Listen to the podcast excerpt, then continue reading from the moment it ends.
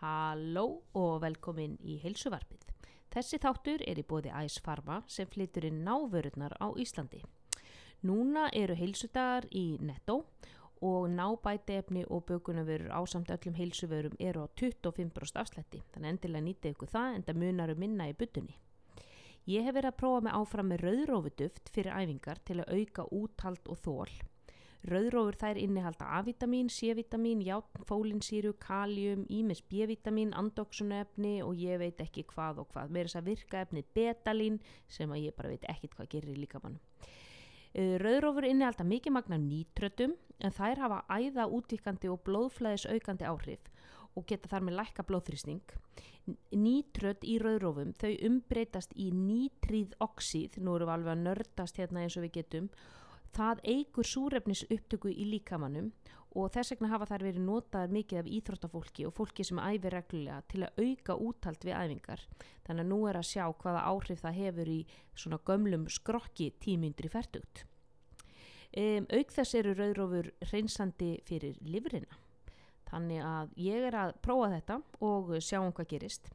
Rauðrófuduft frá ná fæst í háverslun.is og afsláttakóðin Ragganagli 20 veitir 20% afsláttur af öllu í háverslun, til dæmis Spító sundfatnaði, Converse skónum, Houdini útivistafatnaði sem eru frábæra vörur, ég á margar flýspesur og gammosýur og það hefur haldið á mér hita og bjargað mér lífinu í dönsku vetrónum og svo er það auðvitað hérna frábæri íninga snirtifuru sem eru vegan og lífrænar og ég bara get ekki sagt ykkur hversu ánæði ég er með þær. Einni minni á afsláttakóðan Raka Nagli sem gildir í Under Armour og þar eru auðvitað bestu æfinga spjarinnar. Nú gestu þáttarins er Evert Víglundsson, crossfit þjálfari og hann fann nú valla að kynna fyrir neinum því að hann hefur getið sér gott orð innan crossfit og í bara líkamsrætt yfir höfuð. Hann stopnaði fyrstu crossfit stöðun á Íslandi og er því hókin af reynslu í öllu sem viðkemur líkamsrætt, hristi, crossfit, bootcamp en það stundaði íþróttir frá blöytu barspenni á Húsavík og svo síðar í Borg Ótans. Hann hefur gert allt frá dansi og hann segir einmitt skemmtilega sögu af því. Upp í skýði og önnur skemmtilega saga fylgir af því. Og allt upp í Navy Seal æfingar út í Ameríkunni þar sem að þeir voru van svefta að gera burpees um miðanótt. E, við hefðum örglega getað tekið upp 5 tíma podcast en það er við bæði á sömu bilgjuleng þegar kemur á mikilvægi þess að reyfa sig fyrir bætt lífskeiði og heilsu. En hann verður vist bara að koma aftur í annan Þátt held ég að það verði bara voljum 2 með Evert en takk fyrir að hlusta á heilsuvarpið og gjöru þið svo vel. Hér er ég að tala við Evert Víglundsson.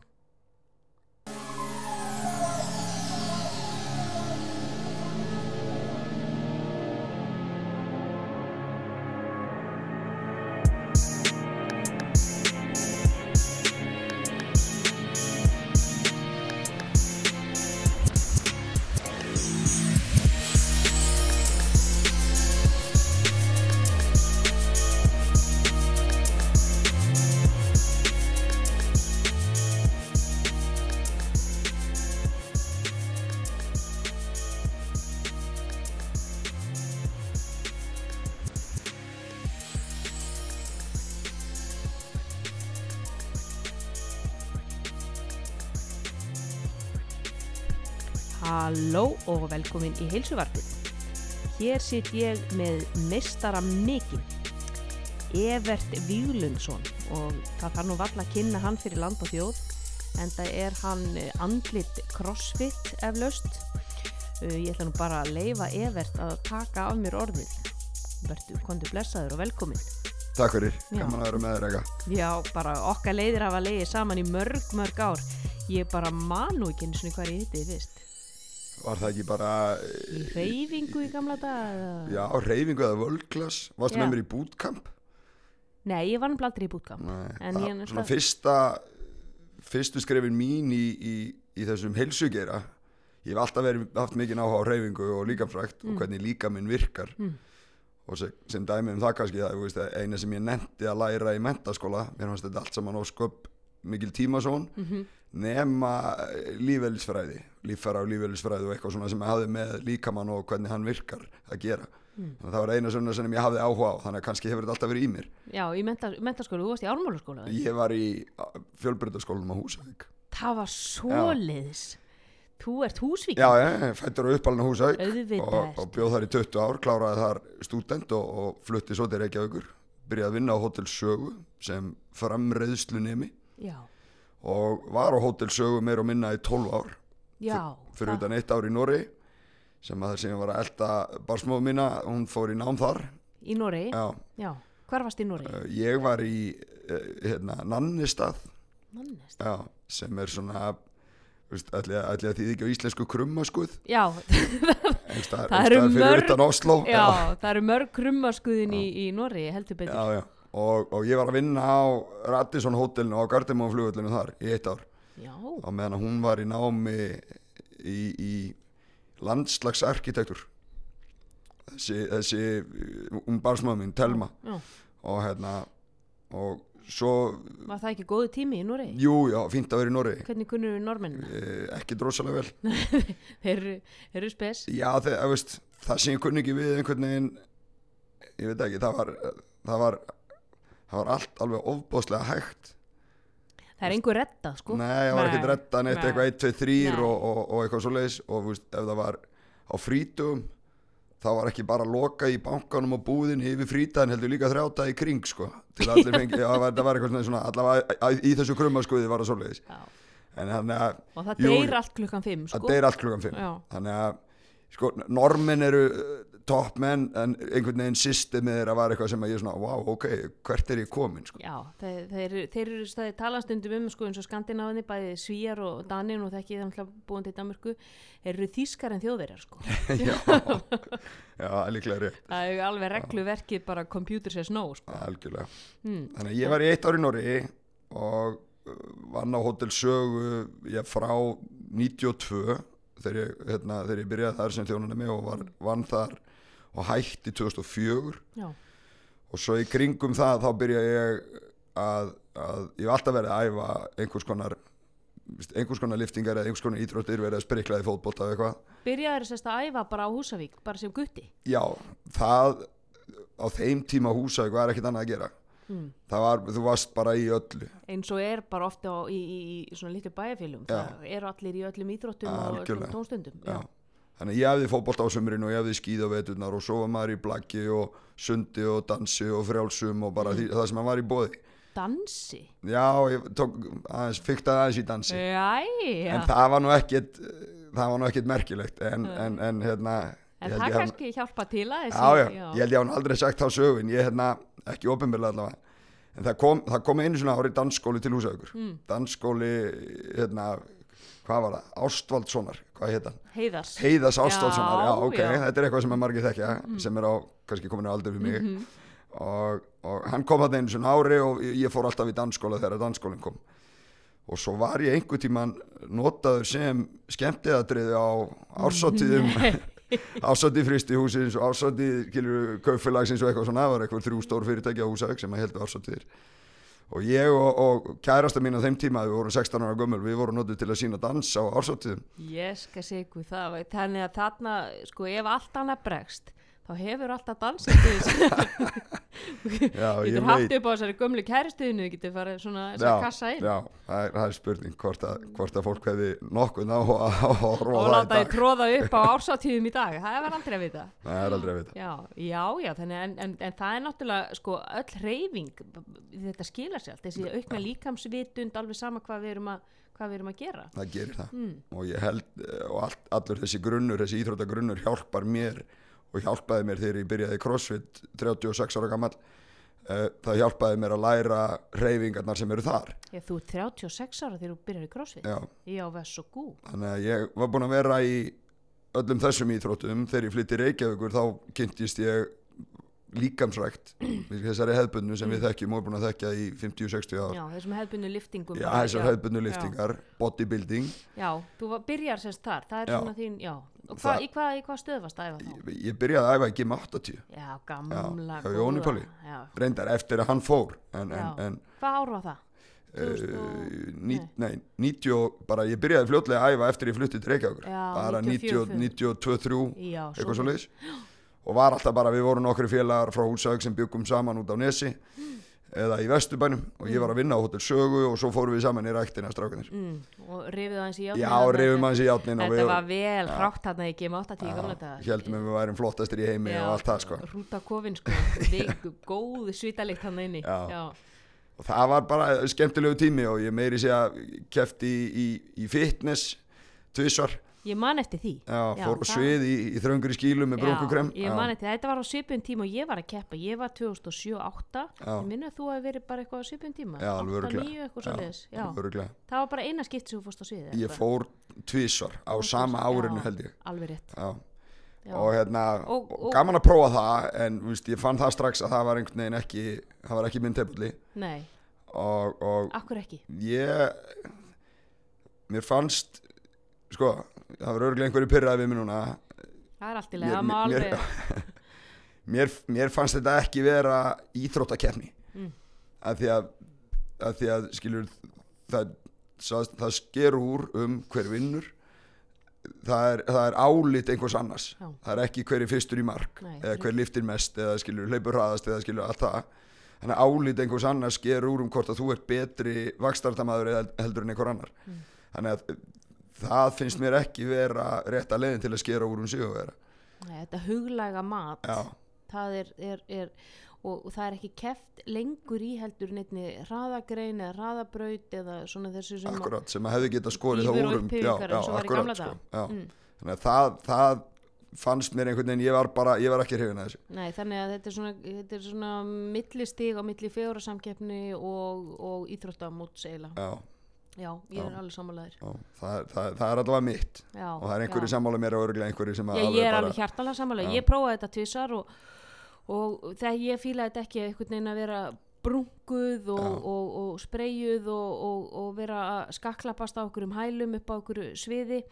Og það sem að fannst mér líka erfiðast var þetta útlitslega að ég þurfti að treysta á það að líka með minn myndi líta út á ákveðin hátt á ákveðnum degi. Og, og, kvíðin yfir því og stressið yfir því var svo yfirgengilegt. Já, og bara svo líka bara sambandi við mat og mataræði og æfingar varði einhvern veginn hálfbrenglað og Já. þannig að það er margt, það er margt gott í fitnesskefnir en líka Já. margt slæmt. já, og kannski það sem er verst held ég er akkurat þessi kvíði sem að þú komst inn á núna já, og sérstaklega stelpunar mm það eru svo margar sögur af því að stelpur lenda basically í þunglindi eftir keppni. Já sérstaklega eftir keppni. Já, það kemur þetta antiklímax og, og það er engin, sko, ef þú ætlar að klífa upp á Everest þá þarfst að hafa plan til að komast niður líka. Já, og það er það sem að vantar, það vantar oft sko, plan eftirfylgni eftir keppni, hvað gerist þá? Þú ferð ekkit bara að kaupa einn nammipóka og ferð aftur í, í, í sama, sama það sem þú varst að gera áður en þú byrjar að skera niður. Þú þarft að, að smám saman auka við kaloríunar, þú þarft að læra að æfa hvernig, hvernig æfur eftir keppni, hvernig kvílur eftir keppni. Og ég, við heyrum sko minnst af þeim sem að detta algjörlega út því að þær bæta á sig jafnvel sko 10-15 kílóum á mjög stuttum tíma. Það er dottið í, í, í mikið salgætisátt og hætta að, að jafnvel að æfa. Og marga þeirra eru bara komin til sálfræðings. Já. og þetta eru bara keisin sem við heyrum aldrei um sko. Já, já. Þetta er eitthvað svona þú, þekkir, ég held að þekki allir að það hafa svo margir keft í fitness það þekki allir einhvern. Já, eða eru tengdir einhverjum sem akkurat eiga þessa sögu. Já, og, og ég held líka eins og segir að detti, þú detti mikið salgætsátt eða mikið át eða eitthvað og það er líklega ástæðan skilur eða stóra ástæðan fyrir því er þessi ofbóstlega, þessi ofbóstlega erfiði niðurskurður fyrir kefni já. Þessi einhæfa mataræðina langa tíma já, sem að veldur þessari skorthugsun og þessum, þessum opbáslega miklu cravings og svo að núna er þetta búið og þá get ég bara leift mér og, og, og það, það fer bara spírall í gang. Og svo náttúrulega oft líka sem að grunnbrennslan hefur hægst á henni allverulega Já. og það þarf að byggja hana bara smám saman aftur upp og, og, fólk bara kannið ekki, það er bara ekki með leiðavísin að því. Akkurat. Nei. Maður hefði nú haldið að þjálfarnir okkar ætti að kunna þetta þeir sem eru í þessu allan daginn en það er kannski, það er kannski erfitt að ná uh, það er kannski erfitt að ná til fólks eftir, eftir þetta Mm. klímaks eftir keppni skilur þá svona leifum menn sér aðeins og svo horfum menn í speil og, og hugsa oi ég er ógeðsleg Mhm. eða eitthvað skilur að því að ég líti ekki út eins og ég leiti út á sviðinu Já, Þannig að hvernig verða líkamlegu viðmiðin? Verða þau, er ég í formi þegar ég er algjörlega sko uppþurkuð, sár, soltin já, eftir 12 vikur að niðurskurði? Er það merkið um að ég sé í góðu formi? nákvæmlega Já, já. þannig að það, er svolítið, það finnst mér svolítið brenglað og, þú, og eiginlega sárt að fylgjast með að fólk, að fólk lendi í vandræðum eftir eftir þær upplifanir skilur, Já. eftir að vera á sviði og það eru margir góði þjálfarar þarna úti, ég meina þið getur nefnt konna sem að fylgir sínum keppindum eftir eftir keppni já, þannig að það er alveg mjög margir sem eru svona vaknandi vitundar um það hvað hversu sko eiginlega mikilvægar að það tímabili er heldur en fyrir keppni algjörlega, Mm. algjörlega. en þannig að þú, þú varst ekki að, ekki að fílaði þarna brungaður upp á sviði Nei, ég Nei. hafði ekki gaman að því en, en ég fór þá svona liggur leiðin í crossfit eða hvað nei, ekki alveg Nei. E, eða, það var sko ég byrjaði að þjálfa ég byrjaði að þjálfa sem sagt líka sætt eða enga þjálfun, svona bodybuilding í Pumping Iron hjá hann Jimmy. Mm, og þar kynnist ég bygga og robba. Og, og við byrjum að æfa saman. Já, meistarar mikli báðir. Og, og þar byrjum við að æfa saman og byrjum að æfa svolítið svona bootcamp stæl við bara, við mættum að æfingu og einn okkar kom með einhverja geðveika hugmynd og svo var það bara framkvæmt. Mhm, og það var virkilega skemmtilegu tími. Þetta var svona út fyrir ramman þetta var ekki alltaf skilur fjögur sett af 8 til 12 eða eitthvað. Nei, ekki þetta nei. og, og við eftir smá tíma þá tökum við við eða þeir tveir basically taka við bootcamp og ég fór með þeim í það. Já, þeir stopna bút og þeir stopna það á sínu tíma sko. Og ég var að vinna með þeim í því og, og það var virkilega skemmtilegu tími. Já, þetta voru, voru sko, ég nefnilega man eftir þeim áður fyrir, fyrir Pumping Iron, þá var ég að efa með þeim upp í júdókim í, í, sko, í skip, eða braut, skipholti. Já, og þá byrjuðu þeir að koma með útklæðan, þetta er alltaf fyrir tíma internetsins já, og þá byrjuðu þeir að koma með útklippur, sérstaklega byggi af einhverjum einhverjum viðbjóðið, sko 100 burpees og eitthvað og, og, og, og þar eiginlega svona stíga er sín fyrstu skref sko Já. Já. Big, Biggi er alveg með þetta sko. Já. og við gerðum ímsa, ímsa skemmtilega hluti saman við, hérna, einn daginn datt okkur í hug okkur langaði, okkur langaði að gera eitthvað svona ekstrím fyrir utan líkamsrættastöðina Mm.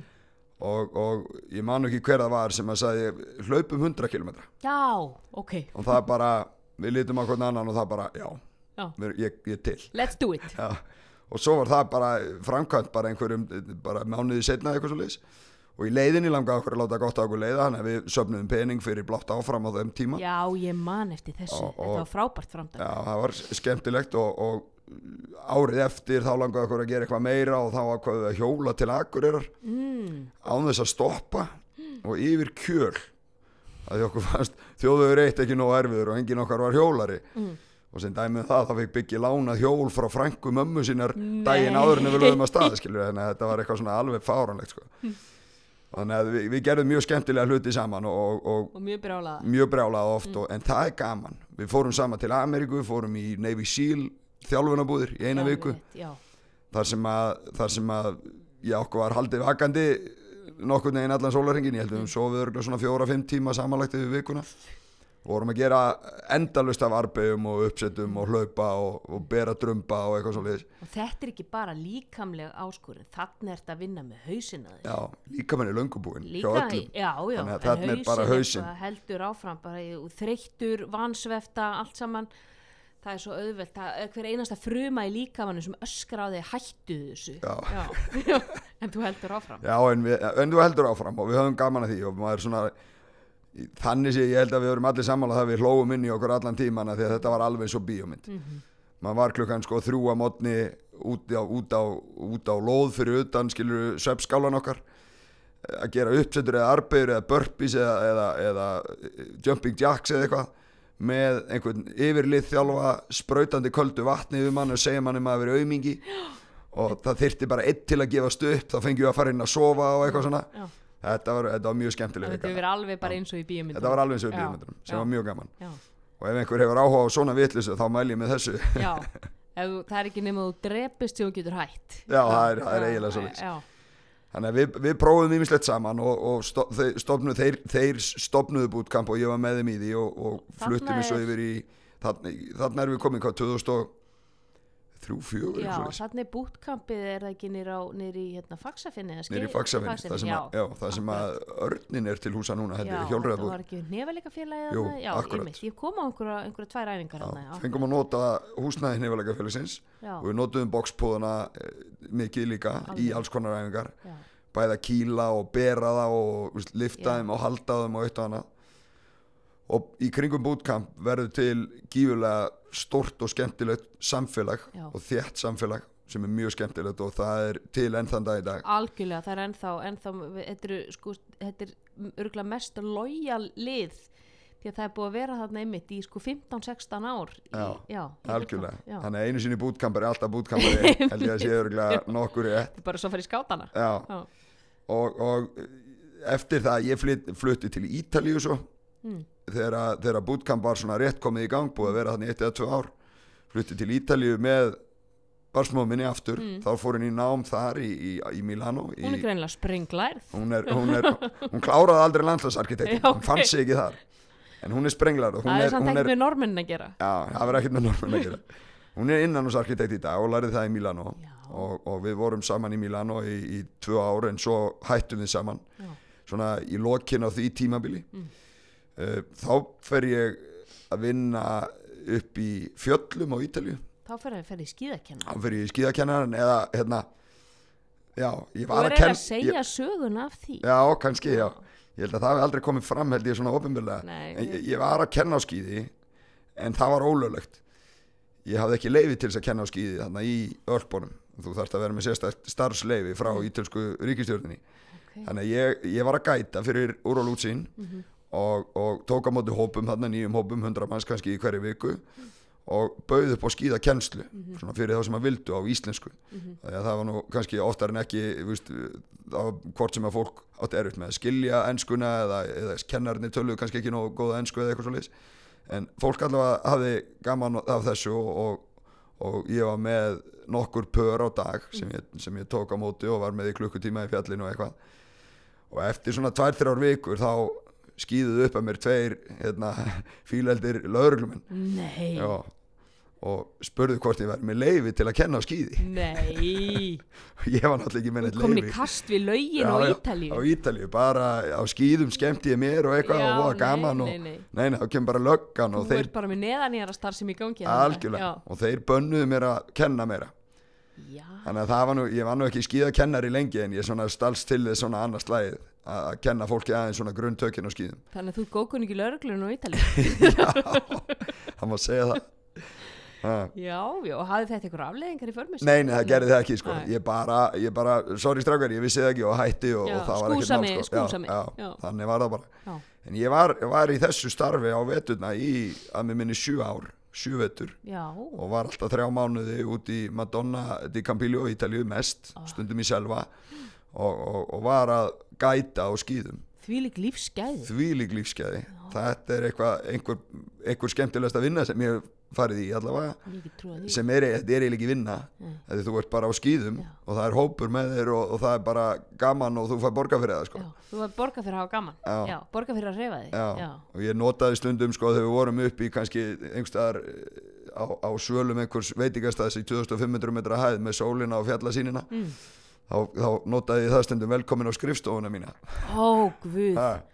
þannig að hérna, hér vinn ég. Já, hvað er hægt að byggja það Já, betra það var alveg dásamt vinna við það sem mann finnst skemmtilegast að gera í, í dásam, dásemdinni utan dyrra og í fjöllunum og, æðislegt, já, æðislegt tímabil. Þannig að þar það kallar bara að lifa draum þetta kannum maður að lifa drauminn já, algjörlega. Og e, í, með þessu byrja ég að vinna í World Class á Já. sumrin. já, og þetta er árið 2000 og veistu að ég man nei, ekkert hvenar, þetta er Já. sirka. Já, þetta er sirka. bát. Ég man hvernig ég byrjaði með crossfit. Ha, það var eiginlega, það var svolítið stórt stór þáttur í, í lífinu, þannig ég man það. Hvað ár byrjar í það er 2008 það er 2008 já, oktober 2008 Já. stopna ég CrossFit Iceland já, í World Class já, og þá bara Bjössi sáum bara fjármagna það allt saman til að byrja með mm. og, og kom því að stað og hjálpaði mér að koma því að stað þannig að ég, ég, ég er á skíðunum á veturna og ég er, ég er hjá Bjössa og Dísu ég World Class á sumrin Mm. og er að þjálfa og ég held að fólk hafi nú kannski alveg tekið eftir í einhver leiti að ég, mínar þjálfunar aðferðir voru kannski aðeins öðruvísi heldur en margar annara Hvernig þá? Eh, ég var örgulega meira í svona high intensity æfingum Mm. Þannig að ég, veist, ég gerði backpressuna og bicep curli og þrýðu og tói, niður tóið og allt þetta skilur er basic en, en ég var líka að gera spretti og burpees og, og alls konar svona high intensity æfingar sem, að að var ekkert mikið verið að nota Nei, sko. Nei, en það var eitthvað sem ég var bara nördast yfir sjálfur og eitthvað sem ég tók úr bootcampinu. Mm. og, og, og þannig að svona fólk kom oft til mín í þjálfun vegna þess að ég var að gera eitthvað annað Mhm. heldur en hinnir og sá að þú varst aðeins öðruvísi, varst aðeins öðruvísi nálgun og fólk var jafnvel að ná rosa árangri eða já, já, hvað? ég alveg gerði það sko og fólk nær árangur, það ná allir árangur í líkamsrækt Já, gallin er að menn halda sér ekki við efni sko. nei, er, þannig að öll málið. líkamsrækt virkar Já. ef þú stundar hana Já, þannig að það er nummer 1, 2 og 3 og það sem ég kenni fólk í dag fyrsta sem verður að gera að ná árangri er að mæta mæting er það eina, þú getur verið með sko skýta prógram en ef þú mætir þá mun það virka. Þú getur verið með besta prógramið. Ef þú mætir ekki, ef þú gefst upp á eftir þrjá mánu þá var það ekki að virka. Nákvæmlega. Þannig að mætingin er nummer 1, 2 og 1, 2 3 og 3 og alveg sama æ þú veist, við eigum skítadaga og við erum þreytt og, og allt þetta. En sko, það er alltaf betra að mæta reyna, þú getur alltaf farið heim. Já, og þú veist, yfirleitt þá fer maður ekki heim. Nei, maður fer aldrei heim Nei, maður er fer aldrei heim, nefnilega komin ég ætla, ok, koma og ég ætla að gera 5 myndur og þú endar á að labba út eftir 50 málið. algjörlega mm. og því líður betur eftir. Alltaf. Það er alltaf svo Já, og ég hugsa alltaf sko, eftir sjáin er miklu verri sásöki heldur en þessar, þessar 50 myndur sem ég er að fara að reyna á mig. Algjörlega, Já, algjörlega. mm. þannig að við, við erum komin þetta ég er, ég er í world class að þjálfa og, og þú og stopna CrossFit Ísland er það þá Það- í tengslu við það CrossFit er úti? í world class bara nei, það er, sko, allar crossfit stöðar það er það eru, ekki eru semst hluti af heildinni, svona franchise já, Greg Glassman Já, Já. þú bara borgar til CrossFit höfustöðuna, x gjald á ári og þá máttu heita CrossFit. CrossFit og þú gerði það á þeim Já, við gerðum það Já. og Bjö, og Bjössi gerði það. Þú Er Veist, hann, hann, hann sem sagt fjármagnar þetta. Ég, ég fer til Bjössa 2007 Mm. líklega og, og, og svona selónum þessa hugmynd að CrossFit, þetta sé eitthvað sem eigi eftir að vera stór. Þú ert þarna mjög snemma því að CrossFit er stopnað hvað 2006 eða ekki? 2001 reyndar 2001 kemur, kemur sem sagt crossfit.com út Já. og þá var Greg Glassman búinn að vera að, að þróa þessa hugmynd sína síðan sko 1974 Nú það er svoleið. en það er bara hann og einhverju þrýr fjóri vinir í einhverju gimmi heima hjá honum í Santa Cruz í Kaliforníu. Það vissi engin um þetta. Ekki neitt, þannig það, þannig séð verður CrossFit alþjóðlegt eða það verður alþjóðleg vittneskja um CrossFit 2001 en, en fyrstu kannski fimm árin mm. veit ekkert margir um það, það er kannski 10-15 gim Já. einhver staðar í bandaríkjunum hann í hverfinu í kringum hann þannig að það er alveg rétt þegar þú segir 2006 að þá svona kannski fyrir fólk að vita meir um. CrossFit sko. Hvernig komst þú, hvernig, Eh, hvernig fréttið þú af þessu? Ívar Ísak, vinnu minn og eiginmaður hérna, Rannar Svansdóttir sem á CrossFit Reykjavík með mér ásand Anja Mist, Anni Mist, við erum þrjú sem eigum CrossFit Reykjavík, svona stærstu, stærstu hlutafnir og svo eru þrýr svona silent partners sem að hjálpaðu okkur í byrjun með fjármagn. En Ívar Ísak var að nördast á netinu eitthvað og skoða sig um dettur inn á crossfit.com og síðan crossfit.com opnaði 2001 þá er alltaf verið byrt æfing dagsins. VOD, Workout of the Day. Og, og á aðfangadag 2007 þá hérna, er VOD dagsins 150 burpees djöfus við á tíma. Og Ívar Ísak í stofunni heima hjá sér á aðfangadag gerir 150 burpees á tíma. Já, bara verðið er af því Já, vinnur. bara, bara til hemmingið um minn, góð hugmynd. Og það tók að 30 eitthvað mínútur skilur við þannig að hann var þarna í lok 2007 var hann byrjaður að að, að fykta við crossfit. Mhm. Og hann var alltaf að íta hrönn í enga þjálfun hjá mér. Mm, hann var að segja fara að tala við Evert, ertu búin að tala við Evert? Mm, hún, hún hefur sagt mér þessi sögu oft. Já. og hann hlæðir alltaf á bakvið mm. fara að tala við Evert, ertu búin að ringi Evert? Ertu búin að panta tíma á Evert? Já, af því að hann vissi af þínu reputation. Já, og hvað vissi, og sá að ég var að gera eitthvað annað, öðru sér heldur en hinni sko. Og hérna, þannig að svona í byrjun 2008 þá kemur hrönn til mín og hún verður fyrir í enga þjálfun hjá mér. Og við bara náum góðum árangur saman og Ívar er alltaf svona fyrkt af í crossfit og og benti mér á crossfiti svona í leiðinni. Og ég er svona já já fínt bara og ég skoðaði þetta og, og, og svona vorið 2008 þá fór ég sjálfur og ákvað ok, ég ætla að prófa þetta crossfit bara og gera bara æfingu dagsins í einhverjar nokkra vikur. Eftir fyrstu vikuna þá leiði mér eins og að hafi verið kert yfir mig af sko, flutningalest. Að því að veist, þetta, þessi, þessi átök í crossfitinu þau eru einhvern veginn alltaf döður í sig heldur en það sem maður er vanur í hefðbundinu líkansvægt og þannig miðtögakerfið í þér bara hvað er að gerast Já, hérna það var svolítið svolítið, bara látum í friði, Já, hættu þessu gull. hvaða viðbjóður er Já. mættur hér og þetta var ekkert eitthvað flókið þetta, voru, veist, þetta, var, þetta var kannski þetta high intensity og svo liftingar og leikvimi á móti skilur Mhm. þannig lísta eins crossfit fyrir þeim sem að sko, e- e- þeir sem er að hlusta og vita bara ekkert hvað, auðvitað vita flesti hvað crossfit er í daginn en bara svona í einnig setningu, hvað Já. er crossfit? menn hafa allavega heyrt um crossfit Já. en vita kannski ekki endilega hvað það er Nei. sko fyrst og fremst er crossfit heilbriðu lífstíl Mhm. fyrst og fremst mm nummer tvö er það ofbóðslega sterkur og þéttur félagskapur Já, samfélag já, eins og bootcampi var á sínum tíma Mhm. þannig að í crossfit, crossfit er sko sterkasti þátturum í crossfit er að þið langar að mæta á æfingu Mhm. vegna þess að þú ert að vera að hitta félagana. Já, og það veldur því að fólk mætir Já. frekar en ekki og það er kannski grunnurinn að árangurinn sem að fólk næri crossfit sem að náðu kannski hverki annar staðar. Algjör, algjörlega samanlæðir þarna er, er bara líka komið svona líkitin að velgengni crossfit.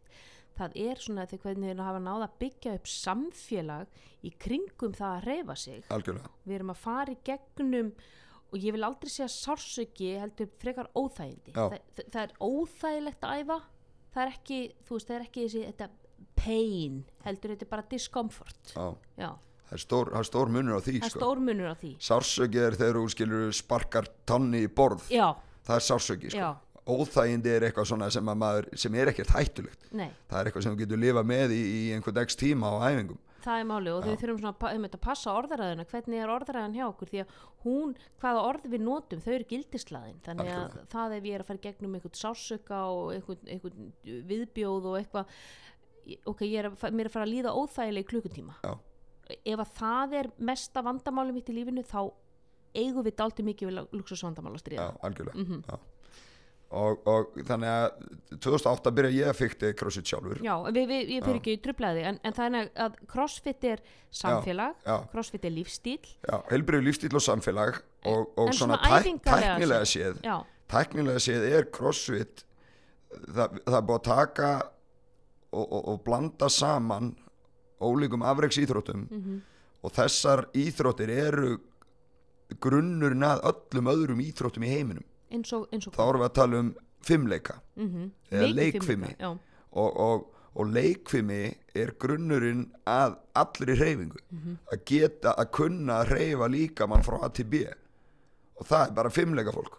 Og við tökum það besta eða tökum hluta af því sem að fimmleika fólk er að gera til þess að búa til hreyfi færni svona eins og að vinna bara með eigin líkamsting Eigin eins og líkamsþyngd. fimmleika fólki Já. mikið í ringjum það er nota ringir Já, við notum ringi, við notum slár til að hanga, við gerum upphýfingar, já, dýfur á, á dýfur, við gerum arbegur og hnebegur, uppsettur og planka, Mhm. við klifrum í köðlum, við löpum á höndum, við hoppum upp á kassa og niður aftur, alls konar, þannig að allt sem, allt sem við getur hugsaður og gerum eigin líkasting, það er leikvimi.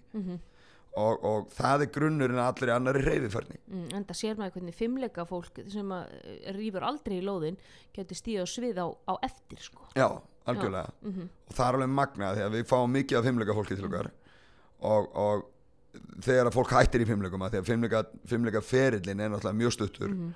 uh, það er náttúrulega það er mikið álag það er ofbúslega mikið álag í fimmleikum eins og mörgum öðrum íþrótum Mhm. en, en fimmleika fólkið er miklu fljótara Mhm. að læra allar nýju hreyfingarnar heldur en sko venjulegi maðurinn grunnurinn er svo svakalegur og ég sé það bara til þeim sko pappi minn, hann var nefnilega í fimmleikum í einhver 15 ár og hann byrjar að þjálfa fimmleika og allt sko og hann í dag, 70 kallinn Já, heyrðu, ég var hérna á æfingu, ég var að taka eitthvað hérna klín og, og eitthvað. Já, já, þú veist að hann er svo fljótur að læra hreyfingarnar og það er svo mikill grunnstyrkur í gamla.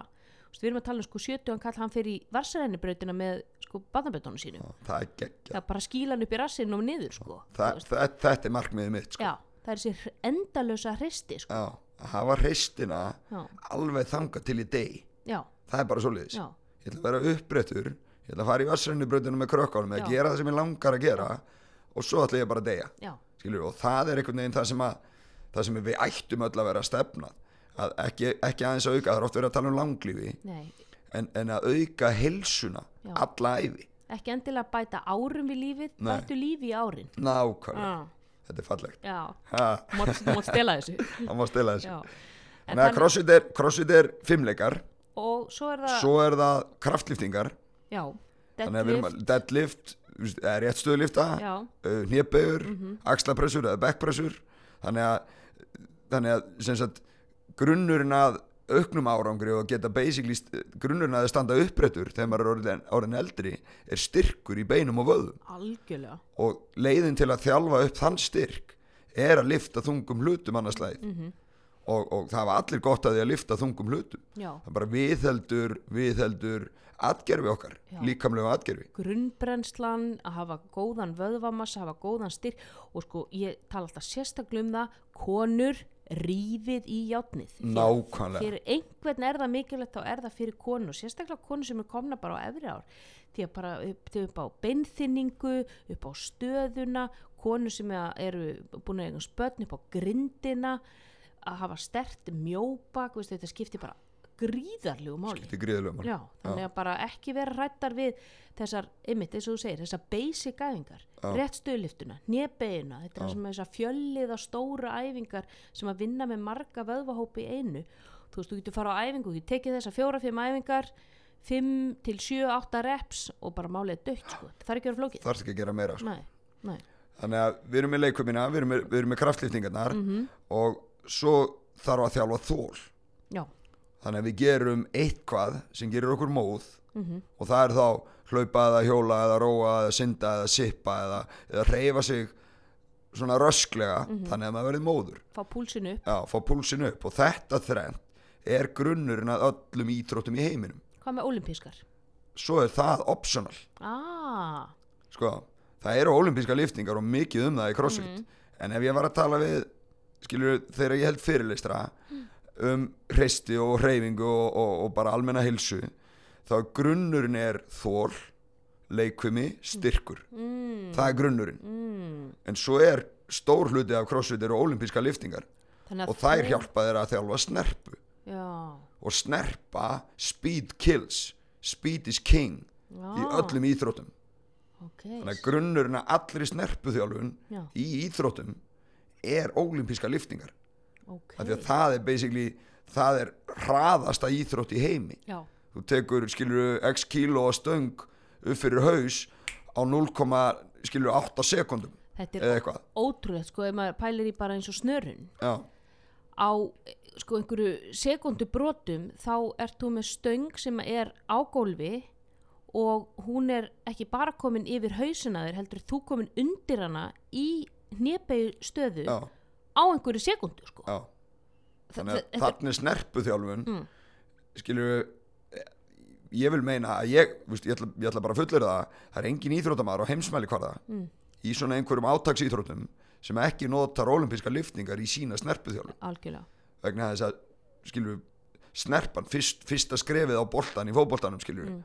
skilur að komast, komast fram hjá manninum eða, og skora markið og eitthvað skilur Mhm. alveg sama hvaða íþrótta það er þá þarftu snerpu segðu aðeins munin á snerpu og þóli sko, þól er hvernig lunguðín taka á móti súrefni og dreifa því um kerfið til að viðhalda áframhaldandi flæði eða hreyfingu í vöðvunum. Mhm. sko, það er þól, úthald er svo annað. Þól og úthald er hvað hluturinn. Okay, þól er, er sko lungnaþól úthald er orkan í vöðvafrumanuðinum Hmm, ATP eða sérst orku efnið í vöðvafrumanuðinum þegar þú klárar það þá hættir þú bara að geta hreyfti mhm. en þólið bregst uh, ef þú hættir hann á andanum. Það er hættulegt ef þú ferð þangað. Þólið er hjart og eðakerfið já, og, og úthald er vöðva- vöðvakerfið. þannig að og þetta var náttúrulega vinnur saman. Mhm. þú veist ef þú sérði einhvern á æfingu sem er kannski nýbyrjar á æfingu og, og hann verður grænn í framann og grár og skilur svo sest það niður og bara skilur það líður jafnvel yfir hann mhm, mhm. Þa- þarna er, þarna er skilur heilin hættur að fá súrefni þólið ræður ekki við álægið Þannig að þólið hjá honum er að gefa sig en ekki Já, útaldið. ekki útaldið endilega Þannig að það er ennþá Ok. jafnvel ATP í vöðvunum en það er bara Nákvæmlega. hjart og æðakerfið er ekki nógu stertið þess að höndla álæðið. algjörlega Ah, svo ferðu bara á leggst í gólfið gerðu eins sem margar arbeður og þú getur getur þess að stoppa, nei bara ég segi svona Já. sem dæmi, það er úttald Já, og þú gerir arbeður þannig til þú stoppar mhm. og þú ert kannski ekkert móður Nei, en, en þannig að það er ekkert ála á þólið Nei. þannig er ála á úttald Þannig að þetta, þetta er sér hvað hluturinn snerpa er svo hversu hratt þú getur fært frá A til B Ok. Og hvað nota ég, hvað nota ég það? Er ég þá að nota vöðvakerfið eða nota hjart og æðakerfið? Hvort er nota þólið útald? í, Í í snerpu vöðvakerfið Ok. Já, Mhm. þannig að það, það, það er ekkert súrefni tengt því að fara hratt í Ok. til dæmis eins og eina liftu allavega Mm. þar, þar ertu bara að vinna með þetta, þetta ATP í vöðunum þessa, þessa, þessa grunn orku sem að þú kveikir á svona og svo búið. Eh, sem er adenosín trífosfat Sem, sem er bensín sem er bensín í vöðafrumunum geimt í vöðafrumum og lifur Mhm. uh, og við höfum alltaf sko, alltaf 48 klukkustundar byrðir að þessu í líkamannum Það er bara svoleiðis. Já, og þegar við erum að skilur þegar ég er að kenna fólki við mataræðu og ég er að tala um föstu til dæmis þá verður fólk svo rætt Vist, ég get ekki treyft mig ef ég borði ekki Mm. það er rámt Mhm. okay?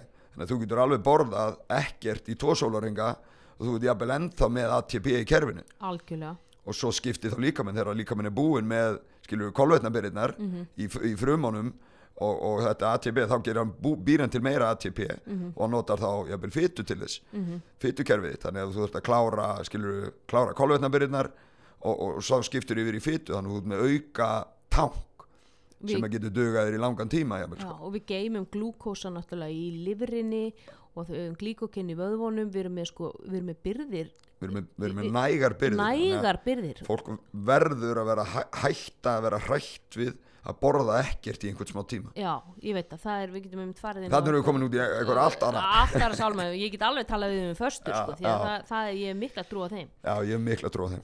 Það er svona, það er svona grunnlækning sem að líkamann okkar er magnaður hann getur læknað næstu því allt sjálfur ef við gefum hann færi að því. Já, og færið sem hann þarf er svefn og ekkert engin næring eða engin matur. Já, föstur, já, að þá fer hann í þetta sjálfsátt eða autofagi, eins og, hérna, autofagi, eins og sumi segja. autofaggi Autofaggi en það er svona þetta fallega íslensk orð sjálfsátt þar sem hann fer og, og, og getur bara upp þessar gömlu frumur og, og, og gerir þannig viðsett svona svipað eins og maður að taka niður eldursinnendinguna þú Já, veist, já. hann tekur niður gömlu skápana og svo setur maður upp þessa nýju. Þú veist, þú setur ekki upp nýja fyrir, á, á, á gömlu skápana. Þannig að þetta er það sem hann gerir. Hann er bara að gera við sig hann er henda út gömlum, gömlum frum. Og ég hef stundi tekið dæmi um hérna, skotan sem fastaði 384 daga misti 125 kíló já, og það var sko engin laus húð á honum. Þú var ekkert á hann Nei, og húðin fór gekk öll með honum Já. sem að gerist nánast aldrei að fólk missir 125 kíló. Enga veginn sko. Nei, en þarna fór bara líka minn í að geta upp húðfrumunnar til þess að fá orku. Já. Skilur, hann, hann leitar alltaf eftir orku. Hann mun, hann mun finna leið líka minn Alltaf. til að finna orku. Mm. þanga til þú deyrð. Já, ég er ekki að mæla með að fólk fasti í 384 daga. Nei. þetta er heimsmynd í föstu. Þetta er heimsmet. En þessi, þessi náungi sem að, sem að Ragga er að tala um hann, hann var undir handleyslu lækna alla tíman allan tíman en, en, en þetta, er, þetta er klárlega ein leið og líklega besta leiðin fyrir fólk til þess að losa sig við aukakíló. Mhm. í, til viðbótar við það bara að- að að gefa líka mann færa og að lækna sig. Það er að fasta. Já, fasta bara fyrir heilsuna er bara gríðarlega mikið gefa kerfinu frí til að melta og ferla og ég segi það alltaf það er þetta endalösa snarl á fólki sem er svolítið að, að, að fytta okkur því að það er líka minna alltaf losat insulín já, við erum bara að fara að verða insulín ónæm vegna þess að við erum alltaf síétandi á, á, á milli mála. Mm. þetta er, þetta er eitthvað sem að okkur var kent Já, og við trúðum á, já, fyrir já, skilur 15 árum síðan þá trúðum við þessu alveg statt og stöðu að þetta var svo þekking sem var til staðar þá. Borða tvekja tíma frestans hrýnu bara Já. bara, og rýrnalli vöðvarnir af þér. Þetta má ráðan svo hrættur að já, en það er, það er, það er mikið það er mikið breyst síðan þá. Já, og, Og- það sem og- mér finnst líka gott í föstur er að fólk kemst í tengsl aftur við sinn eigin líkama, sinna eigin svengd og sinna eigin settu. Hvenar er ég svangur, hvernig lítur svengd út í líkamanum á mér? Og hvernig er ég, hvenar er ég smá svangur og hvenar er ég bara virkilega hungraður? Og bara finna hvernig það er. Það er ekki tættulegt að vera, vera svangur. Við höfum, mannkynnið hefur verið svangt nánast allan tím, við höfum verið ekki svöng, sko ef við horfum á, á mannkynni sem klukku, við höfum verið sko með gnægð matar í svona sekundubrót já, af allri mannkynnsögu. algjörlega. Já, já, en tvær, og hálf miljón ára já, þar sem við vorum bara að veiða. Já, og svo svona fyrir tíðust árum byrjuðum við að rækta korn og eitthvað svo leiðis og svona á síðustlinum 50-60 árum þá byrjuðum við að framleiða allt þetta rust já, pakkaða matinn. þá, þá verið, það, það búið að framleiða það svoleiðis mat lengur en virkileg svona holskefla af Mhm. þeim mat kom ekki á sjónasviði fyrir fyrir 50-60 árum síðan Mhm. og á þessum 50-60 árum sem er sekundubrót Mhm. í mannkynnsögunni þá hefur heilsun okkar farið svo rakandi, svo veist, hver er ástæðan?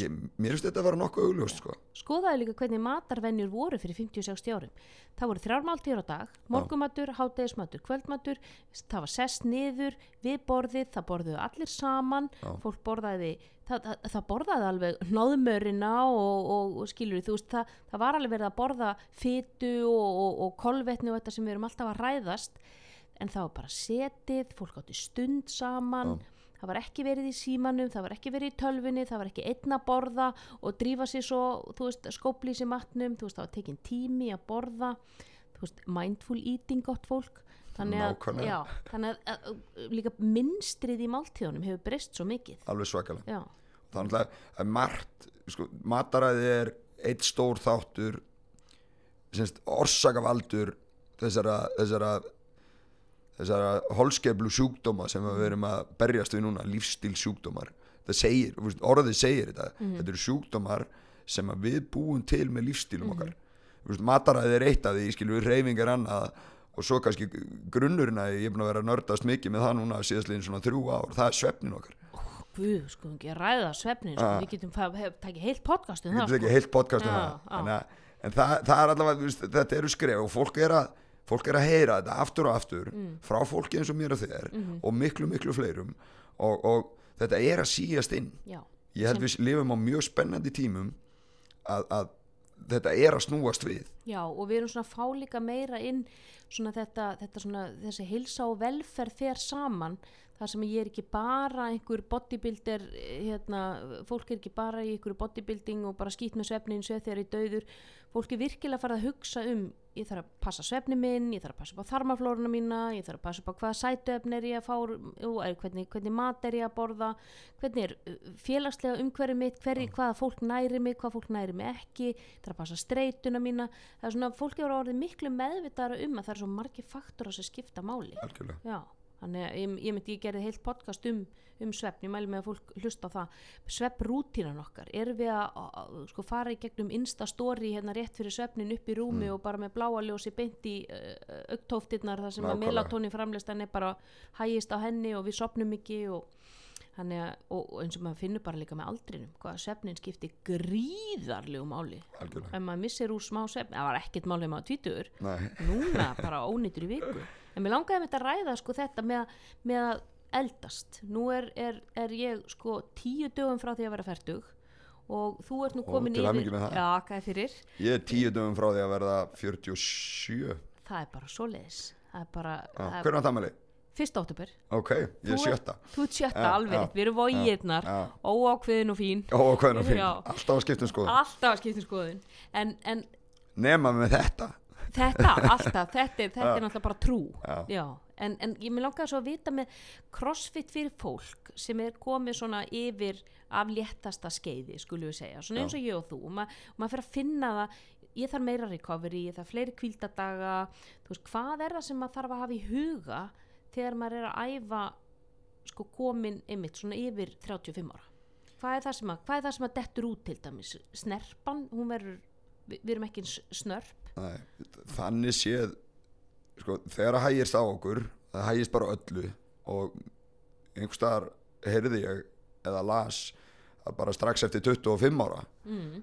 þá byrjar að hægjast á, þá byrjar öll kerfi að hægjast þannig að 25 er svona toppurinn okkar og svo förum við niður en ég til því gott fólk það er mjög gaman á leiðinni niður sko. Mhm. það, allir sem hafa vægt til að fara á skíðið eða hlaupið niður brekku, það er gaman á leiðinni niður. Já, þannig ég, að það er engin, ekki, ekki hafa neinar ágjur að því að eftir 25 að það er bara, skilur, að lífið sé búið. Þetta er ekki svoleiðis, mér finnst samt sko, ég er í betra formi færtu en ég var þrít nákvæmlega ég líka. Já, já. þú ert örgulega en- betra formi í 50 heldur en Já, heldur það er allavega hugmyndin, sko. Já, það allavega hugmyndin en, en við þurfum eins og, eins og þú sagði rétt á hann við þurfum að huga að endurheimtinni eða recovery. Við þurfum að sinna viðhaldi og endurheimt. Alls konar viðhaldsæfingar við ættum að geta sint viðhaldi á líkamannum svona mestmegni sjálf. Og það eru þá þessar nuttrúlur eða nuttkepli og nuttboltar og einhverja svona tegju flæði æfingar ég var að kaupa nuttbissu hún er æðislega pulsról oh, ég á eina sem heitir Hyper Ice Já. hún er geggjuð, já, þetta er svona, svona stingsög sem hann er svona kúla á endan Akkurat. þetta er geggjuð greiða sko. ég var bara að fá þetta ekki að pölsról heitir hún, hún er með alls konar svona hausum. Og maður bara oh. leggur hann á lærið eða aukslina eða, eða hendlegin eða eitthvað og svo bara ítir og takka og þá svona bara brrrr. Þetta er æðisleikara, ég mælu með þessu. Því líka snildin, já. allavega þetta að gott- auðvelda menn í vinnuna í nuttinu Já, og það er gott einmitt eiga og, og, og nuttu rúllur eins og ég á römbelróler sem er með svona göttum já, og, og gatta boltan og Já, allt þetta og, akkurat með allt saman heima við Já. hliðin, á sófanum heima. Já, í mitt, erum að hóra sjónvarpið. Þannig að þetta þurfum við að huga að. Við þurfum að huga mikið að þessu. Svona þessari hérna bandvefslósun já, og Mhm. bara ef það er einhverstaðar verkir í líkamannum að sinna þeim. Mhm. verkir eru ekki eðlilegt ástand. Mhm. finnum við til í bakinu, Næ, bara pínu. Mm. Veist, það er nóg. Mhm. Skilur, þá þurfum við að sinna því. Og það besta sem við gerum til að losa okkur við verki er að hreyfa okkur. Fá blóðflæðið á staðin motion is lotion. Motion is lotion. Þegar ég fæ að þetta er stela Ég ætla að stela þessum ah, þetta kemur frá vinni mínum hérna Svenna Kíró sem ég fer reglulega til sko, kona mín er kýrópraktor já, hún rúri já, hún Rúri og, og, og hún, já, mikill snillingur. Uh, Rúri, ég elska þig. Já, sjátt á það rúri sjátt hérna og hún er bara svo busy að ég á með að fá tíma hjá henni. Ég, ég, Þannig að þú þarf að fara til kolleganar Já. en allavega það sem að sko, sko Rúri nikki mig hún er, hún er fljóta því. Það tekur hana skilur fimm mínútur að fara aðeins yfir kerfi hjá mér og, og losa, losa skilur upp stóðgrindina aðeins. Mhm. en, en Svenni er sko, hann er kýróprator, þau lærðu saman út í Ameríku. Mm. og, og hérna sjátt á Svenna líka, hann er að vinna í CrossFit Granda þeim er skrifstofu þar. Og hann er líka lærður í Graston já, sem eru svona sköfur já. sem eru, sem eru dregnar eftir vöðónuðinum til þess að losa upp þannig bandvefið mitt ah, mjög effektív leið til að losa upp bandvef. Þetta er sko 3500 ára gömul kýmversk hefð já, sem að hétt þar guasha ok. og heitir enn líklega og þýðir basically að búa til marblett Já, það? Já. þannig að guasha þýðir skilur að mynda marblett Og fær maður marbletta eftir? Stundum, Já. það er eftir í hversu Já. og, eftir, og eftir í hversu kannski, kannski skilur þykkildin eru sterk þessi, Mm. þessi bandvefur sem farin að myndast í vöðunniðinum eða, eða fasjunni eða himnunum í kringum vöðuna Mhm. en þarna fer ég til Svenna til að fá skilur þessa meðferð. Að losa vöðvana upp. Þannig að hann, hann notar hann notar skilur Graston sem Mm. eru þessir, þessar sköfur. Hann notar svo kallar ART aktivir lýstekník. Já, ég hef heyrt um hana. Já, íta á einhvern punkt og svo hreyfa vöðvan í gegnum skilur punktinn. Mhm. þannig að slakar á vöðvanum, ítir og svo tókar á vöðvan í sundur. Mm. og það er hugmyndafræðin er sko að þú ert að losa þessa hnúta. Mhm. og hnútar í vöðvum gerir það að verkum að sá hluti vöðvans er ekki að vinna. Já, þannig að þú missir skilur hreyfi getu, þú missir styrk og snerpu og úthald í vöðvunum ef að þú ert með hnúta hér og þar í kerfinu. Já.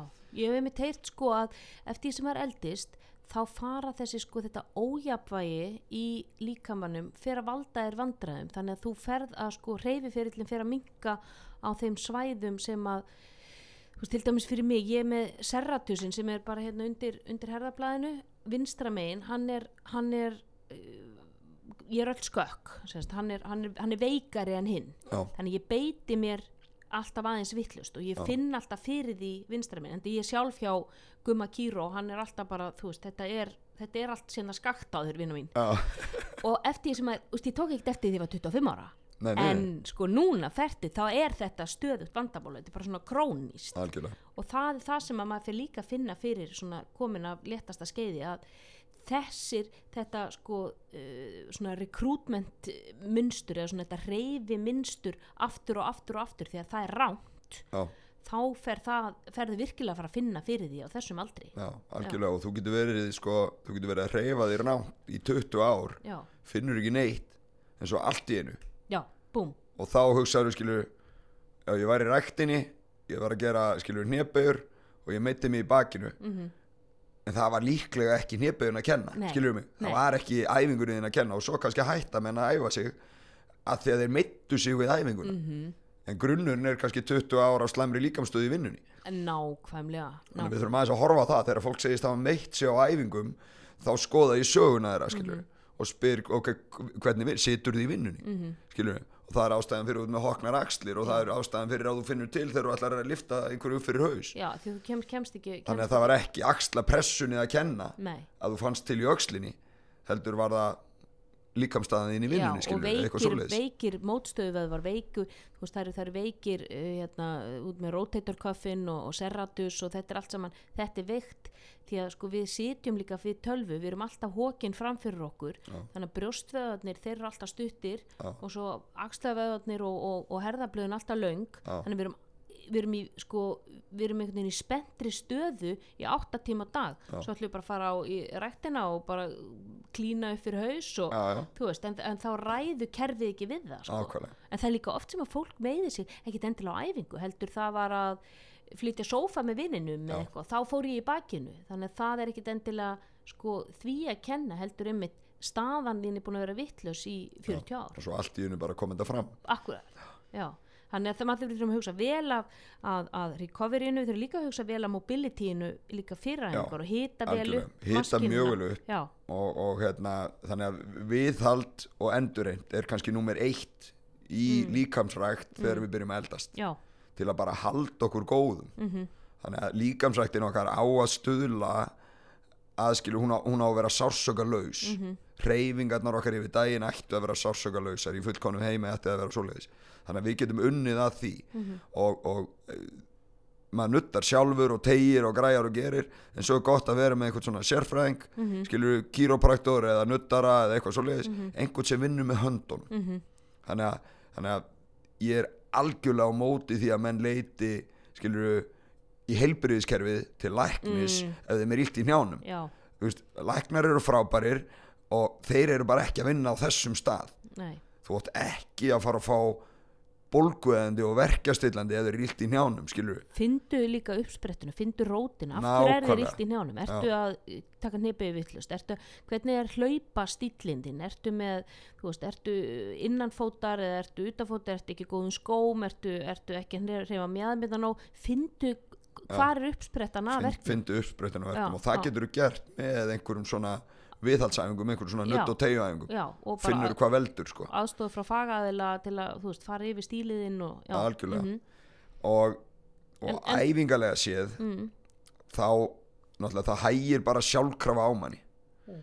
og 99% af okkur og 99% af þeim sem að stunda crossfit er bara venjulegt fólk það sem við sjáum í sjónvarpinu Anni og Björgun og þau öll Mm. skilur það er allt, allt, allt annað sko. þetta er fólk sem æfi fjóra, fimm, sex tíma á dag það getur farið heim og lagt sig það er með einhvern sem sér um matinn þeirra Já. þetta er bara ekki sambærilegt við meðal Jón og Gunnu sem er með þrjú börn og vinnu og, og, allt, allt sem því fylgir Já, og við þurfum að passa okkur á því og ég hef lært það svona síðastlinum árum þegar ég byrjaði crossfit þá var svo ógeðslega gaman og það ætluðu allir að fara á heimsmeistramótið skilur Mhm. og það er svolítið svoleiðis og ég sé það svolítið mikið, mikið ég er búin að fara um landið og hjálpa til við að opna crossfit stöðar á Egilstöðum, á Ísafyrði, á Húsavík, á Söðakróki, Akranesi, uh, uh, hérna, á, á Rifi, já, sætt já, og hérna, þannig að það eru, eru konar krossistöður um allan já, rosa flott crossfit og Ísafyrði, veit ég, hann og svo crossfit austur er hún. Austur og á eiginstöðum Egilstöðum, frábær stöð Já, já, það eru bara flotta stöður um allan þannig að þú getur gert crossfit þegar þú fer í sumafríðið skilur eða þú ætlar að kera hringin uh, og, og hérna en ég sé það í nýju stöðunum þennan spenning og þennan æsing mm, sem að var hjá mér í byrjun þegar Já. ég var að byrja þannig að það sem ég er að reyna að kenna fólki í dag og það er bara reynslan mín sem hefur kent mér það að, að við þurfum að horfa á þetta frá meira skilur við svona heilsusjónarmiði heilsa og langlífi. Þannig að þjálfinun okkar á að stuðlað heilsu og langlífi ekki endilega að verða bestur í heiminum. Það, það, það er bara allt, allt, allt annað. Og það er, það er basically heilsu spillandi já, að vera afreiks íþróttamaður. Það er það. Það er það í alvörunni. Það er bara já. já, já, enda líka í öllum afreiks íþróttum e, þá er líftíminn mjög stuttur. Já, og fólk spyr sér kannski skilur akkur hættir fimmleikastelpan þegar hún er sko 16 ára? Þá er bara líka með hennar búin hann er búinn. Já. Þannig að þegar allar öfgar sem þú, alveg sama hvað þú gerir meina hvort sem það eru þessi ofurmarathon eða hvað það er, þú ert ekki því í mörg, mörg, mörg, mörg ár. Alls ekki sko. líka minn gefst það er upp allavega, það er það er undantekning þá ef einhver næri að sinna því. En allavega heilsa og langlífi á að vera grunnurinn á þjálfunum og langlífi innan sölum ræktar. Já, þú þú getur verið þar inni þangað til að þú ert nýraður sko. og getur verið skilur þú getur labbað við esjuna. Já, skilur Mhm. þú getur farið út á hjóla þú getur farið í sund, þú getur leikið við krakkana. Mhm. þannig að þú veist, ræktin á að hjálpa þér að gera allt sem þið langar að gera fyrir utan ræktina. Mhm. Amen. Ha, mm. þannig að það er, er hvað er það sem við missum þegar við erum or orðin eldi? Við, við missum aðeins snerpuna en styrkur, hann virðist svona sitja hjá okkur svolítið, maður sér það er allavega, meira. Já, svona þessu gamli kraftliftingakallar til dæmis old, man, old man strength Old er man bara, strength er bara er- þekkt hugtak Já. og það er bara, ég held að, ég, veist, ég trúi því sko. Já, það er það Já. og þú sér líka, ég meina þú kemur nú frá Húsavík og, og, og, þú veist þetta fólk sem kemur úr sveitum til dæmis og er búið að bera bakka og, og, og, og fóður blöndur og allt þetta það er sko einhver grunn styrkur í þessu liði sem að fer aldrei frá því. Og maður, þú veist, maður tekur í höndin á bónda. Já. ég meina þú er bara, bara með liðagikt á eftir. Því að þú veist það er svo mikill styrkur í líka í gripinu. Og þetta styrkur einhvern veginn fer ekki frá mann en með svona þólið, snerpan já. og til dæmis eins og að æfa olimpískar veist, ég, ég meina fæturnir á mér eru alveg og olbóðnir og allt þetta í klíninu, þú veist, þetta, maður á ekki eh, breyki þetta lið sko með þetta, snerpuna. þetta fer allt niður. Já, nema kannski styrkurinn minnst já, held ég. Já, og hann er fljótur hann er svo fljótur að koma aftur líka. Þannig ef þú heldur honum og náttúrulega bændunir veist, þeir eru búin að vera að bera bakka mm frá því að voru krakkar sko. Þannig að það eru bara liftingarnar þeirra. Já, þannig að allir sem hafa farið í líkamsrækt og gert rétt stöðlift og nepu frá því að voru krakkar Mm. veist, þeir munu vera sterkir bara alla æfi a, já, og sterkar, sterkir einstaklingar skilur þeir eiga þeir eru, þeir eru betur undir það búnir mhm. að takast á við átök eða álag í lífinu. Já, og það hefur talað um sko gripstyrkurinn, hann getur sko mælt fyrir um langlífi, hann hefur verið með stert grip og eins líka bara hvernig okkur gengur á því að, að leggjast niður og standa aftur upp, bara þegar við erum orðin áttræð sko, Já. Veist, getum við það? Já, burpees, nákvæm, það er ástæða fyrir hate them Já. all you want sko, já, þannig að, að, að það er sérst, þetta sem er svona, við þurfum að huga, það er að snerpan fyrir niður, þóli fyrir niður, styrkurinn helst, við þurfum að huga vel að viðhaldi, vel að uppbytun, Já. hvað með fólk sem er komið, sko, nú er ég að tala um pappa minni náðan, komin yfir sjötugt, hvað með þennan hóp í CrossFit, er þetta þjálfa eitthvað svoleiðis fólk? við erum með, við erum með mjög virkan og skemmtilegan hóp sem, köllum, sem heitir sko Masters sko, eða, eða Heldri mm, okay? og það er 60 pluss mm, og í CrossFit í keppniseiminum er mér sér keft í 60 pluss það er- er- er 60 pluss á heimsmeistaramótinu. Við eigum nú eitt flottan Hilmar já, Harðarsson. Huss, það er nú kempa, sjátt á hann sko, hann nákvæmlega. er ekki fengið þá aðtegli sem hann á skilið. Nákvæmlega, það hefur alveg, alveg týnst sko, öll aðteglin er á, er á, er á hérna, Katrínu og Anni og, Og og, og. Björgun og þau Mm. öll. Og það er líka bara frábært og þau er alla skilið.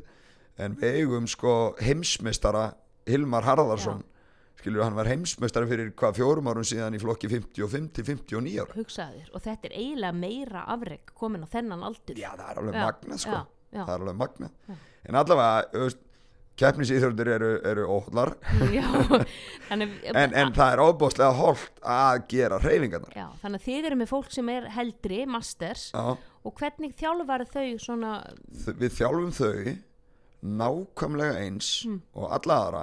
Þannig að við erum með krakka alveg niður í 6 ára og svo hérna erum við með smá leikjanámski fyrir 36 ára. Mm, og hérna frá 6 ára og alveg þangað til þú hættir að þá eru æfingarnar sömu æfingar góðar fyrir þig mm, mm, Þannig að, og þá eru það þessar grunnæfingar sem ég tala um, við þjálfum þól, Mhm. við þjálfum fimi sem er leikviminn og við þjálfum styrk. Mm Ólimpísku lifturnar, það er kannski detta svolítið út þegar þú eldist. já, Vegna þess að, sko, þessi snerpa sem að þarf, hún er kannski ekki lengur til staðar. mm, mm, Og En, en það eru ólimpíska liftingar, það er undirbúningu fyrir keppnisíþróttir, skilur við. Þar sem að þú þarft að hraða til þess að, skilur vinna leika eða, eða ekki, sko. Mhm, en, en þú þarft ekki þessa snerpu endilega fyrir bara almennt líf. Nei, það það, það þú styrkin já, þú þarf styrkin og reyfifarnina og svo þólið já, þannig að það er það sem við byggjum sko eldri borgara Mm. eh, hérna, hérna þjálfunin á. Mm, þannig að þau gera rétt stöðliftur og þau gera hnjöpur Mm. og, og, og það er alltaf hægt að aðlaga líka það er alveg magnað. Crossfit, það geta allir verið með. Mhm, ef þeir eru illt einhverstaðar þá getum við breytt reyfiferlinum eða gert einhver aðra æfingu í staðinn mhm, bara að þú mætir alltaf. Já, og það eru margir þegar við horfum á, á sko, þegar við horfum með að fylgjumstum og gerum æfingu fyrir, fyrir hérna, eldri hópin þá eru kannski tveir af tíu sem að er að gera hnjöpur án aðstóðar mm, einhverjir tveir eru setjast niður á kassa mhm, til að stýtta hreyfiferilina aðeins en eru samt að gera hnjöpur mhm, og svo eru einhverjir aðrir sem að jafnvel halda í einhvert eh, prik eða stöng, eða einhvert band mhm, til þess, að, til þess að aðstóða sig við hreyfinguna. Mhm, þannig að það er allir að gera hreyfinguna. Já, mismunandi, já, kannski. já, og einmitt með, eins og með uppbyggingar. Sumi gera hana í tegju og sumi gera hana í vél og sumi gera hana veist, án aðstóðar og, já, þetta er, þetta er allt gerður hreyfinguna það er alltaf útfæra hana á einhvern hátt. Algjörlega. þannig að það hendi þér og hverjum og einu og hreyfing fyrir eldri er ekki bara góð fyrir líkamann hún er góð fyrir heilan. Ógvuð, algjörlega. Já, og það er bara búið að sína fram á það núna með rannsókn. Ég veit ekki hvort að þú ert búin að nördast í þínu eins og ég. Algjörlega. Að heilin býr til nýjar heilafrumur Já. og nýjar brautir á milli heilafruma sem eru basically þessar brautir eru hugsanir okkar Mhm. og minningar Mhm. og, og, og, og færni, öll færni þetta er ákveðin kóðar Mhm. skilur frá heilafrumu 1 til heilafrumu B það kóðar fyrir skilur að standa upp Mhm. eða eitthvað svoleiðis Mhm. og hérna heilin endur nýjast Mhm. við hreyfingu já þetta er magnað. Já, og því flóknari sem hreyfingin er, því meiri verður endunín, því meiri verða, sko, því meiri verður heila virknin. Og ég hef mitt lasa eins og einn rannsókn þar sem gefur báru saman e, hóp af eldri borgurum, annar hjólaði, bara á svona stationary bike, bara svona venjulegu þrekkjóli, hinn dansaði og var að dansa við partner. Og svo mældu þeir færni þeirra í krosskátum á eftir og hópurinn sem dansaði var miklu sneggri að leysa krosskátunar heldur þá sem hjólaði vegna þess að það að dansa það þurftur að læra spór þú þurftur að vera vakandi fyrir hinnum aðilanum, þú þurftur að vera vakandi fyrir partnerniðinum þannig að þú varst að mynda miklu fleiri brautir, taugabrautir og heila sest, tengingar heldur en það að sitja bara á hjóli og horfa inn í veggin.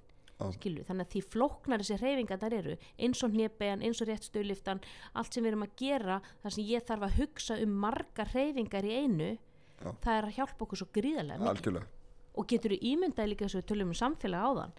Eldri borgara sem er komin ákveðin aldur og eru einir heima og eru kannski makinni fallin frá að fara og þú ert með hennar félagskap og þetta er samfélag sem tekur á móti þér, þetta er eitthvað sem þú gerir þetta er, þetta er rútína þrís og fjóru sinum í viku það er líka sko, lífsgæðin sem félast í því. Félagskapurinn er, er stór þáttur af lífskeðum algjörlega. Og það er dásanlegt er, það, þau, þau eru æðisleg. Já, og þau gefa manni svo mikið að þau eru búin að upplifa svo margt. Mhm. og það er svo gaman að hlusta á söguna þeirra. Mhm, þau setjast alltaf niður eftir eða fyrir æfingu í svona smá setustofu þarna niður í CrossFit Reykjavík. Og, og svo bara stendur maður hjá og hlustar á þau spjalla um eitt og annað. Að þú veist, þau eru búin að upplefa einhverju hluti sem við höfum aldrei upplifað Nei, og munum aldrei og það er svo gaman sko. Og læra af þessu fólki og það er, það er, það er algjörlega ómetanlegt sko. og ég veit, ég segi það oft það fallegasta sem ég sé það er kona áttrætt og yfir að rífa upp réttstuð það er bara eitthvað fallegasta sem ég veit um. Mér er alveg sama hvað hún er með á stönginni Já. en bara þessi reyfingu ég ætla að vera ennþá að taka réttstöð þegar ég er nýræð algjörlega. Og ég veit að þú ætlar að vera Já, með ég mér ætla að vera yfir. þarna þar. Já.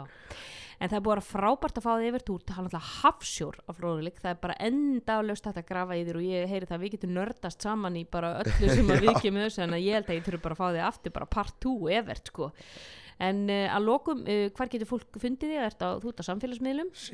Nei, já, þú eitthvað, þú fiktar eitthvað á Instagram ég sé stundu læka. Já ég kem annars lagið Já. ég hérna, sko vini mín gera grínað mér eh, með það að, að ég þurfa að taka vegabröð með mér þegar ég fer á Facebook. Það er svona, ég fer eiginlega oftar ellendis heldur en á Facebook. Já, en, en sko þetta er bara einhvern veginn í uppeldinu mínu þetta var ekki til þegar ég var allast upp. Nei, og ég hef aldrei einhvern veginn náð tengslum við þetta. Nei. Þannig ég er mjög lítið á Facebook eða Instagram. Eh, ég set annars lagi myndir á Instagram yfirleitt þegar ég er einhverstað út að hjóla. Já, ég sé, sé svona, svona, og þegar þú giftir þig og svona. Já, já, og svo hérna svo ef, ef ég vil koma einhverjum upplýsingum til skila til fólks varðandi skilur kannski einhver námskeið eða, Mm. eða eitthvað svoleiðis þá, þá nota ég Facebook já. en en svona CrossFit Reykjavík þið, CrossFit þið- Reykjavík sko, fólk getur haft heyrt í mér eða vil heyra í mér þá er ég evertat.crossfitreykjavík.is Mm. þannig að það er besta leiðin held ég að ná í mig er, er líklega bara að senda e-mail. Og svo er þetta að fylgja CrossFit Reykjavík á in- Instagram já, og já, á Facebook. Já, Já. og við, ég er með fólk í því sko. Já, mér, mér yngra til að sinna, sinna þeirri starfsemi. nákvæmlega, við erum bara ekki af þessari kynslu eftir minn Nei, þannig að það er, það er svona ég pínu líka ég er ánað með það að, að, að vera ekki háður samfélagsmiðlum mhm, eins og alltaf margir eru. Algjör tíma þjóður Já, algjör tíma þjóður sko og, og, og skemmir fyrir mörgum sérstaklega unga fólkin okkar. Að vera háð einhverjum, einhverjum like og eitthvað svoleiðis það, það er slæm stað að vera á. Mm, að mæla gildi sitt í því hver, hversu margir læka myndina mína. Já, og þessi endalösi samanburður líka ég er að skoða einn annað crossfit fólk eða þú veist þessi er að lifta þingri en ég og þessi er flottar en ég og þessi getur meir en ég og hlaupi meir en ég og, og það er þessi endalösi samanburður sem bara valda kvíða hjá þessum kynnslóðum sko. en þannig að crossfit Reykjavík er á Já, Instagram evertat.crossfitreykjavík.is og- ef þið viljið heyra í mér varðandi eitthvað. Og, og, annars bara annars veit ég að þú ert þaulsettin maður þannig að, að, en, en endilega fylgiði CrossFit Reykjavík á, á öllum samfélagsmiðlum. Ég á eitt kannski ef ég má stela. ef steltu, maður plugga. Frami.is Ú, hvað er það? það eru tveir gaurar. Já, sem að eh, hafa verið að æfa hjá mér í Krossdreikjavík og þeir koma að mér í sumar og spurðu hvort að við ættum ekki að gera masterclass mm, um heilbriðan lífstíl vá, en spennandi. Já, og masterclass fyrir þá sem ekki vita þetta er þekkt út í heimi. Já, til dæmis, eh, þú getur keift masterclass með Gordon Ramsay þar sem hann kennir okkur að elda. Mm þú getur keift masterclass með Stephen King þar sem hann kennir okkur að skrifa bækur já, ok. og eitt og annað, þetta eru svona einhverjir svona sem að eru kannski sem á að segja sérfræðingar á sínu sviði Já, að með svona vídeonámskeið Mm. sem að, sem að sem sagt, þá gefa leiðbenningar eða leiðsögn að einhverju ákveðnu ferli mm, og við í sumar tókum við upp eh, 15 vídeo Mhm. svona 8 til 12 mínútur hvert Mhm. vídeo mhm. sem að fjallar um heilbriðan lífstíl vá, en Já, spennandi þannig að þar fer ég yfir svepp Mm. fer yfir mataræði, fer yfir félagskap fer yfir streytustjórnun Mm. og reyfingu Mm. og, og, og þarna er tól fyrir fólk Mm. til að ef, að ef að þarf einhver aðstóð til að stíga fyrsta skrefið í að snúa við blaðinu að heilbriðari lífstíl. Og þetta er allt inn á frami.is frami.is Heyrðu, það, búið, það er hér, plögg, hér með plugga frami.is Ever, kæra takkir fyrir komuna og þið hlustandi góðir, takk fyrir að hlusta á heilsuvarpið og þangar til næst, verðið bless